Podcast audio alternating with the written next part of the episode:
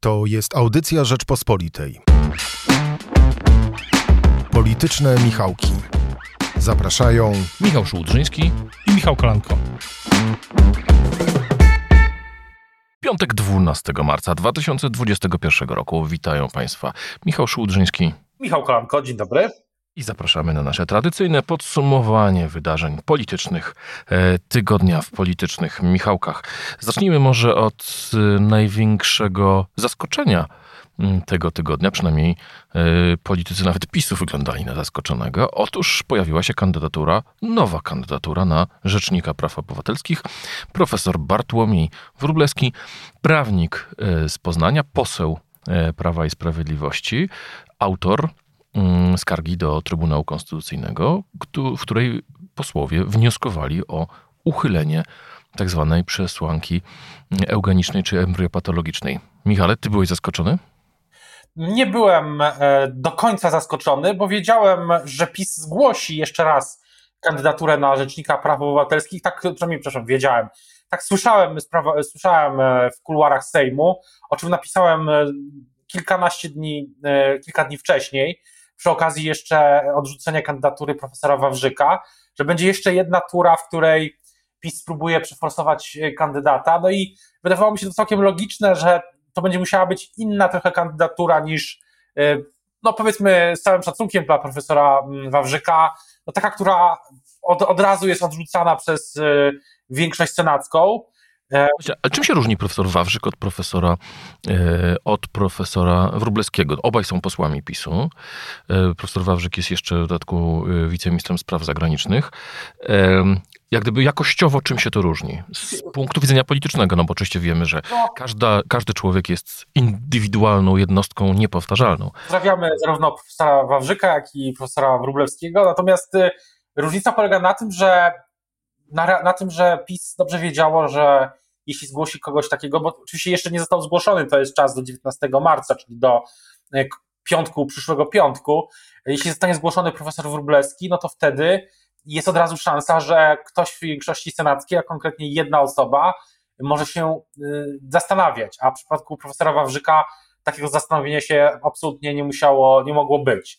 No i W przypadku, w przypadku senatora, e, e, ministra Wawrzyka, senatorem, który wstrzymał się od głosu była Lidia Staroń, e, a senatorem, który może zagłosować za z opozycji jest Jan Filip Libicki, który napisał to wprost na Twitterze. Myślisz, że to szybko. będzie, to będzie rozstrzygające? robił to bardzo szybko. Jeszcze, jeszcze nie, ta arytmetyka senacka jest taka, że, że to nie jest jeszcze mm, ten rozstrzygający głos, ale blisko. Wystarczy później, to wystarczy, wystarczy jeszcze jedna, e, wystarczy, to jest na pewno bliżej decydującego głosu niż e, w przypadku e, profesora Wawrzyka. No i to jest ta różnica.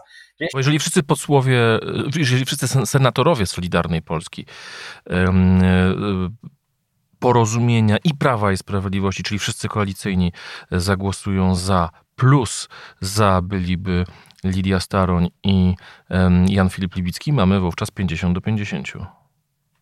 To jest, y, to jest jedna rzecz, y, natomiast y, no, pytałeś o tą zmianę jakościową, no i to właśnie zmiana jakościowa, to jest właśnie ta zmiana, o której się spodziewałem, że będzie to inna kandydatura. E, Czyli tezy o tym, że kandydatura Bartłomieja Wróblewskiego ma odwrócić uwagę od pozostałych kłopotów, ta teza ciebie nie przekonuje. Nie, ponieważ z tego co ja rozumiem, to Prawa i Sprawiedliwości to nie jest y, temat y, pierwszorzędny, drugorzędny, czy nawet trzecioplanowy. To jest temat zupełnie na którymś tam jeszcze innym planie, z całym szacunkiem oczywiście dla instytucji, ale PiS ma teraz naprawdę ważniejsze, ma większe problemy niż e, obsadzenie stanowiska RPO. E, Jeżeli jeszcze chciała, jeszcze na momencik zostańmy przy, przy tym Rzeczniku Praw Obywatelskich. E, Co wiemy o mm, pośle Bartłomieju Wróblewskim, za wyjątkiem oczywiście tego, że mm, e, właśnie uchodzi za człowieka silnie związanego z mm, konserwatywnymi środowiskami i że jest przeciwnikiem aborcji? Czy to znaczy, że PiS uważa, że ta sprawa, czyli ten wniosek do Trybunału nie będzie dla posła Wróblewskiego obciążeniem, a może on być z kolei mieć różne inne zalety. No, czym on się dał poznać? No bo on był przez pewien czas, mm, uchodził za um, lidera takiej frakcji konserwatywno-wolnościowej. Głosował na przykład przeciwko piątce dla zwierząt, więc nie jest to osoba tak stricte lojalna wobec Jarosława Kaczyńskiego. Na pewno ta frakcja była inaczej traktowana gdy był ten kryzys, y, był w rozkwicie w ubiegłym roku, pamiętam jeszcze w listopadzie były spotkania, czy w październiku, pod koniec października były spotkania z, z tą frakcją właśnie samego Jarosława Kaczyńskiego, były właśnie zapewnienia o szacunku, o tym, że będą y, pomysły tej frakcji, grupki, grupy, grupki mm, frakcji realizowane. No inaczej był traktowany y, był minister Ardanowski i jego grupa, którzy byli no, traktowani dużo, mm, nazwijmy to po prostu byli traktowani br brutalniej, czy wręcz no, Kaczyński się z nimi nie spotykał i miał ich E, za, za pomocą innych metod e, był e, ten bunt gaszony, skutecznie, skutecznie zresztą, bo jak pamiętamy, tylko jeden poseł odszedł z PiSu i chyba, chyba żaden z naszych słuchaczy tak od razu nie przypomni sobie, jak, pan, jak ten poseł się nazywał. Wspomnimy poseł Kołakowski. Tak. I to jest właśnie pewne, pewne zastanowienie się jest potrzebne. Natomiast e, myślę, że ta grupa dalej istnieje w PiSie. Ona oczywiście się uaktywni, gdy będzie kolejny jakiś e, kontrowersyjny pod ich pod tym względem projekt, właśnie takim, jak to określiłeś, konserwatywno-wolnościowym. No, o powrocie piątki dla zwierząt na razie nie słychać, jak w sumie e, nie słychać też o żadnych innych pomysłach poza tymi, które należą do tak zwanego nowego ładu, ale tak jak mówiłem, PiS myślę, że na innej flance ma kłopoty większe niż na razie wewnętrzne z, z tą frakcją, o której, o której mówiłeś.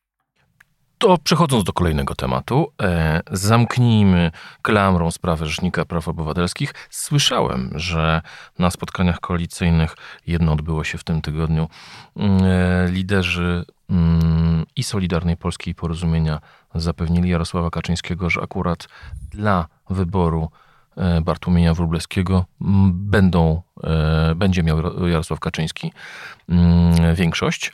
E, innymi słowy, poprą posła Wróblewskiego na Rzecznika Praw Obywatelskich i to nie będzie przedmiotem sporu koalicyjnego. Czy masz podobne informacje i jak wygląda w tej chwili napięcie koalicyjne? Ono jest na stałym poziomie. Rzecznik Praw Obywatelskich Tutaj jeszcze jest jedna uwaga, myślę, warto zwrócić uwagę na to, że opozycja miała mieć, miała taki pomysł, że znajdzie kogoś, kto będzie dla Jarosława Gowina, jego posłów akceptowalny i przez to w Sejmie uda się wysłać z Sejmu do Senatu kogoś, e, kto będzie dla, mm, kto, kto po prostu no, przełamie tą większość w, se, w Sejmie.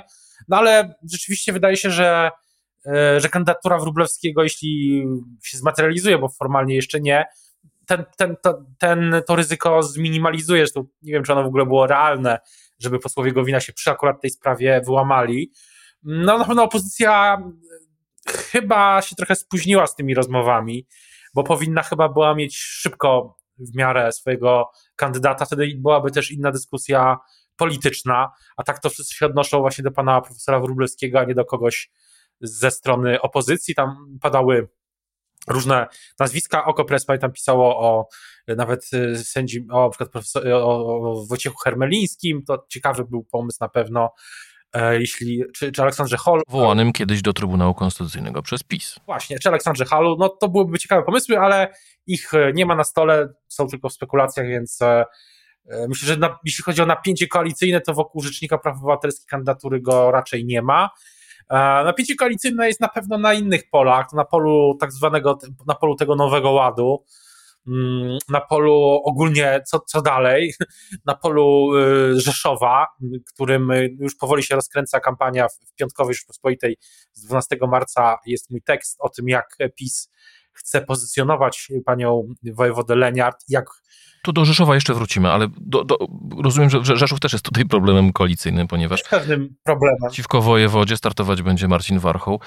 Oboje będą kandydatami obywatelskimi, ale wiadomo, że za jednym stoi PiS, a za drugim Solidarna Polska. Ja myślę jednak, że, że jakiś taki moment, y, to napięcie jest stałe, ale taki moment jakiejś eskalacji jeszcze już, już za nami. No, na pewno ważnym momentem będzie głosowanie nad tymi środkami własnymi Unii Europejskiej, które się szykuje pewnie w kwietniu, no Solidarna Polska chce je odrzucić, odrzucić całe to porozumienie unijne. Natomiast no, PiS tutaj liczy na opozycję i to, to jest ciekawa rzecz na pewno. No więc właśnie, rozbierzmy sobie to na czynniki pierwsze. Najpierw na czym polega spór, spór pomiędzy PiSem a Solidarną Polską, a potem w co gra opozycja. E, jak rozmawiałem z przedstawicielami Solidarnej Polski, oni mówią e, tak, e, to jest tak naprawdę pakiet. Polityka energetyczna, Krajowy Plan Odbudowy, Nowy Ład, to są wszystko pomysły Mateusza Morawieckiego na budowę nowej gospodarki innowacyjnej, bardziej zielonej i tak dalej. Tyle tylko, że to będzie kosztem naszego elektoratu, bo to naszemu elektoratowi będą rosły ceny za ogrzewanie, za prąd.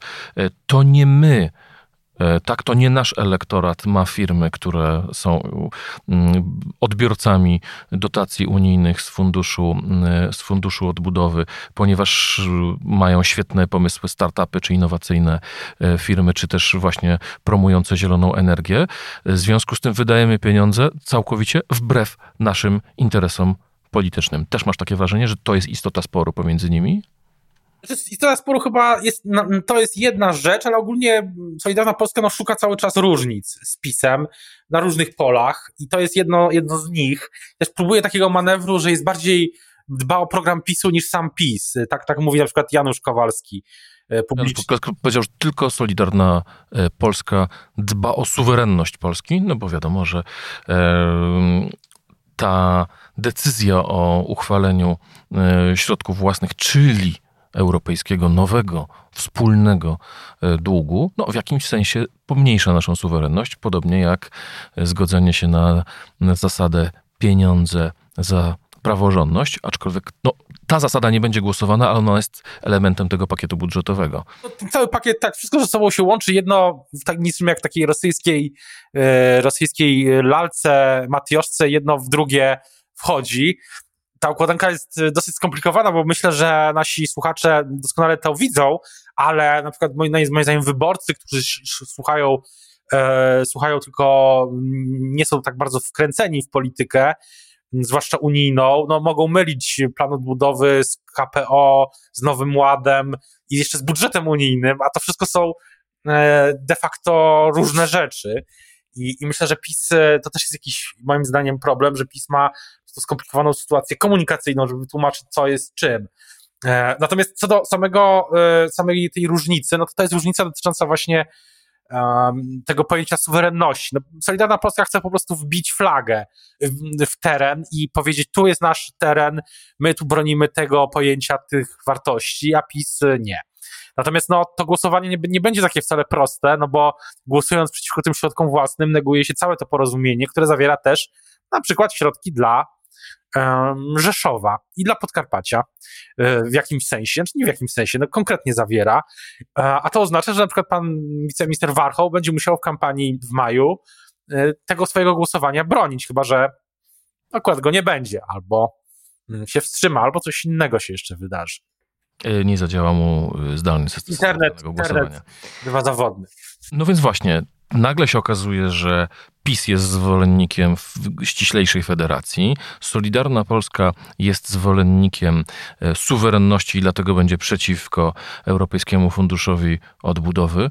No a teraz wchodzi na scenę Władysław Kosiniak-Kamysz, Borys Budka i mówią, nie poprzemy e, Funduszu Odbudowy, jeżeli nie spełnicie naszych warunków. W co gra opozycja? Opozycja chce zmusić PiS do Nowogrodzką, e, Nowo, Nowogrodzki, Nowogrodzką do takiego no, nerwowej jakiejś reakcji, przyjmowania tych warunków, no, rozmów, spotkań, to, żeby były, żeby coś się, się działo w tym, e, żeby pokazać, że opozycja ma sprawczość. To jest to, o czym wielokrotnie mówił Kośniak-Kamysz, że, że były szanse, żeby no, obalić rząd, e, tak mówi prezes PSL-u, no, zaszkodzić mocno, głosując przeciwko piątce dla zwierząt. Myślę, że to, to jest taki punkt zapalny że e, w ubiegłym roku Platforma Lewica zagłosowała za piątką dla zwierząt, piątką Kaczyńskiego, no i PSL uznał, że to było bez sensu politycznie, no bo de facto można było wtedy zablokować ten projekt e, w, w całości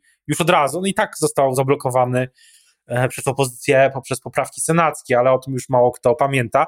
No i teraz... Wyobrażasz sobie sytuację, w której Platforma Obywatelska i Polskie Stronnictwo Ludowe głosują przeciwko mm, ratyfikacji mm, zasad e, środków własnych i Europejskiego Funduszu razem, Odbudowy. razem ze Zbigniewem Ziobrą i Konfederacją. No, przyznam szczerze, że wiele rzeczy w polityce, e, ja jestem, mam dużą wyobraźnię i trudno mnie zaskoczyć już po, po pewnych też tylu latach już e, śledzenia polityki. I, mm, no, ale to byłoby na pewno duże zaskoczenie. Byłby game changer. Tylko nie wiem, czy taki, jaki by chcieli politycy opozycji, no bo zwłaszcza, że, że lewica, tu wydaje się, że Włodzimierz Czerzasty inaczej stawia akcenty. Właśnie, no, lewica, lewica się podzieliła. Co mówi Czerzasty? Czerzasty mówi, że to, jest, e, to są pieniądze Polaków, a nie pieniądze yy, PiSu, więc trzeba głosować za. No i tak samo też zwróćmy uwagę, tak samo mówi Szymon Hołownia, tam jest, jest troje posłów Szymona Hołowni yy, w Sejmie i czy posłanki i one zagłosują za. Mm. Nie po, czyli Szymon Hołownia mówi, nie będziemy na złość PiSowi szkodzili Polsce. Tak, natomiast no PiS, ja rozmawiałem z PiSem, z politykami PiSu w tym tygodniu, ważnymi, no i oni się, oni się nie martwią, oni po pierwsze nigdy, PiS się w ogóle nie martwi tym ratyfikacją, nawet przed tą deklaracją Platformy i PSL-u, bo PiS uznaje, że nie ma absolutnie zagrożenia dla tego w Sejmie, że i tak to przejdzie te, te groźby opozycji nie robią na, prawa, na Prawie i Sprawiedliwości wrażenia. Te groźby Solidarnej Polski zresztą, powiem szczerze, też nie. No, w tym tygodniu miałem takie wrażenie, że mm, o czym też mówiłem, to napięcie koalicyjne też jest mniejsze, no bo PiS e, też ma chyba już e, no nie przejmuje się w tym tygodniu przynajmniej tak bardzo koalicjantami jak, jak kiedyś i tak samo się nie przejmuje za bardzo opozycją. Uznaje, że ten projekt, że ten, te fundusze i tak przejdą jak zresztą w każdym kraju Unii, mm, no bo cała Unia się musi na to zgodzić i no, ale z drugiej strony to głosowanie, sama ta deklaracja Platformy i PSL, no ja rozumiem ten cel, żeby zmusić PiS do czegoś, żeby narobić kłopotu, żeby też, e, no tylko e, no pytanie, czy to się rzeczywiście uda. No na, razie, na razie się tak średnio udaje. E, zostawmy e, fundusz odbudowy, wróćmy do tematu, którym już się pojawiał w naszej rozmowie. Jeśli chodzi o sam fundusz odbudowy, to, to warto obserwować w przestrzeni publicznej to, co się dzieje, co samorządowcy o nim mówią i o tym będziemy, będziemy myślę, też się temu bardzo uważnie przyglądali, bo to są niesamowicie ważne sprawy. To decyduje. Tak, to, no to są samorządowcy, są działacze miejscy, którzy bardzo to. Pro... To, to, to, ja się trochę dziwię, że jest tak mało jednak dyskusji o tym, krajowym planie odbudowy, o tych funduszach. My, my ją w Rzeczpospolitej na Rzeczpospolitej prowadzimy, ale takie mam wrażenie, że, że, że, że jej nie ma tak szeroko, a to są sprawy, które będą decydować na lata o rozwoju miast, y, miasteczek, samorządów, regionów, o e, komunikacji, o smogu, o energii. Mm, to są miliardy złotych i no chyba e, warto chociaż, no nie wiem, przeczytać ten dokument, który rząd zaproponował, on jest y, y, publiczny. No ale zamiast dyskutować, łatwiej jest powiedzieć, nie pozwolimy, żeby PiS z pieniędzy unijnych karmił, karmił ryzyków i wszystkich innych. Albo pisać coś na Twitterze, co, co, co jest dużo łatwiejsze. Natomiast to jest rzeczywiście, no moim zdaniem, dzisiaj dla rozwoju Polski jedna z absolutnie najważniejszych spraw. I dlatego nie namawiamy do bezwarunkowego popierania Funduszu Odbudowy, tylko dyskutowania o nim merytorycznie. E, Rzeszów. E, wiemy, że mamy z jednej strony panią Leniart, obecną wojewodę, z drugiej strony pana ministra Warchoła mm, z Solidarnej Polski. E, oboje kandydują jako kandydaci niepartyjni. Z drugiej strony, czyli mamy pojedynek PiS, Solidarna Polska. Kogo wystawi Koalicja Obywatelska? tego, co ja słyszę, to dużo, duże szanse są takie, że Koalicja Obywatelska czy cała, yy, cała opozycja tu akurat będzie zjednoczona i wystawi też kandydata niepartyjnego, czyli pana Konrada Fiołka, który jest wiceszefem Rady Miasta i szefem te, tego prezydenckiego klubu Rozwój Rzeszowa, ile dobrze pamiętam, tak ten klub się nazywa. No i będzie to na pewno ciekawe, bo będzie to starcie rzeczywiście ludzi yy, prezentujących się jako niepartyjni, te trzy kandydatury. E, natomiast e, no, z badań Prawa i Sprawiedliwości wynika, co o czym pisze właśnie w Rzeczpospolitej w piątek, że no właśnie, że w Rzeszowie no, nie ma szans ktoś, kto ma legitymację partyjną, bo tam po 20 prawie latach rządów niepartyjnego, no, związanego z SLD, ale jednak niepartyjnego prezydenta, no, inne kandydatury no, nie mają po prostu, mogą nie mieć szans, więc stąd też e, to pozycjonowanie się i, i pani Leniart, i tego słowa miałem nie używać, ale w podcaście chyba mogę, i pani Leniart, pani wojewo, i pana wiceministra, i pewnie też kandydata opozycji. Dlaczego te wybory są ważne? Czy to jest tylko prestiżowy pojedynek, czy też jest tak, że Rzeszów jest y, bramą do Podkarpacia, w którym prawica zawsze miała dobre y, wyniki, a zatem dla Solidarnej Polski i PiSu to jest y, wyścig o to, czy uda się odzyskać tę bramę do tego województwa? Też, też utrzymać, odzyskać, utrzymać, no bo rzeczywiście Podkarpacie, na Podkarpaciu w Sejmiku od dawna rządzi PiS. Natomiast no, y, Tomasz Karoń, strateg polityczny, zwraca uwagę w tym tygodniu Rzeczpospolitej z nim mój wywiad, chyba w środę się ukazał, ile dobrze pamiętam, że mm, jest to no, brama do prawicy, nie tylko do Podkarpacia, ale brama do całej prawicy, mm, taka symboliczna. I dlatego Jarosław Kaczyński no, musi zrobić wszystko, żeby Zbigniew Ziobro, tak mówi Tomasz Karoń, nie wygrał. I o to samo chodzi opozycji, żeby pokazać, że mimo, że Podkarpacie jest e, prawicowe, kandydat mm, Zjednoczonej e, opozycji miałby szansę e, rządzić w Rzeszowie na miejsce no, nieprawicowego Tadeusza Ferenca. Tak, myślę, że taki jest, taki jest cel. I to pokaże też, miałoby pokazać właśnie siłę zjednoczonej opozycji. Ale te wybory dopiero 9 maja, do tego czasu wszystko się, wiele się może zdarzyć. Nim zakończymy, chciałem Cię zapytać o Pawła Kukiza.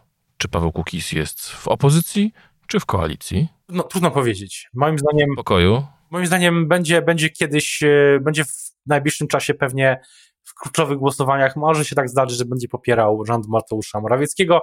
Chyba na przykład w tym funduszu odbudowy, tak też, czy tych środkach własnych unijnych, przepraszam, może być. Yy, zapowiadane spotkania znaczy zapowiadane i te, które już miały miejsce, według Twoich informacji, Kukiza z przedstawicielami Zjednoczonej Prawicy doprowadziły do jakiegoś przełomu? Że przełomu nie, ale to, że się odbywają i że kolejne będą, to też o czymś świadczy. Na pewno. Myślę, że będziemy o tym mówili w naszym następnym, naszej następnej audycji. Już za tydzień dziękujemy dzisiaj e, Państwu. Zachęcamy do słuchania innych audycji e, Dziękujemy. Rzeczypospolitej. Bardzo. Dziękujemy naszemu e, realizatorowi Michałowi Patyrze. Dawczyni Magdzie Burkiewicz. Do usłyszenia. Do usłyszenia. Słuchaj więcej na stronie podcasty.rp.pl. Szukaj Rzeczpospolita Audycje w serwisach streamingowych.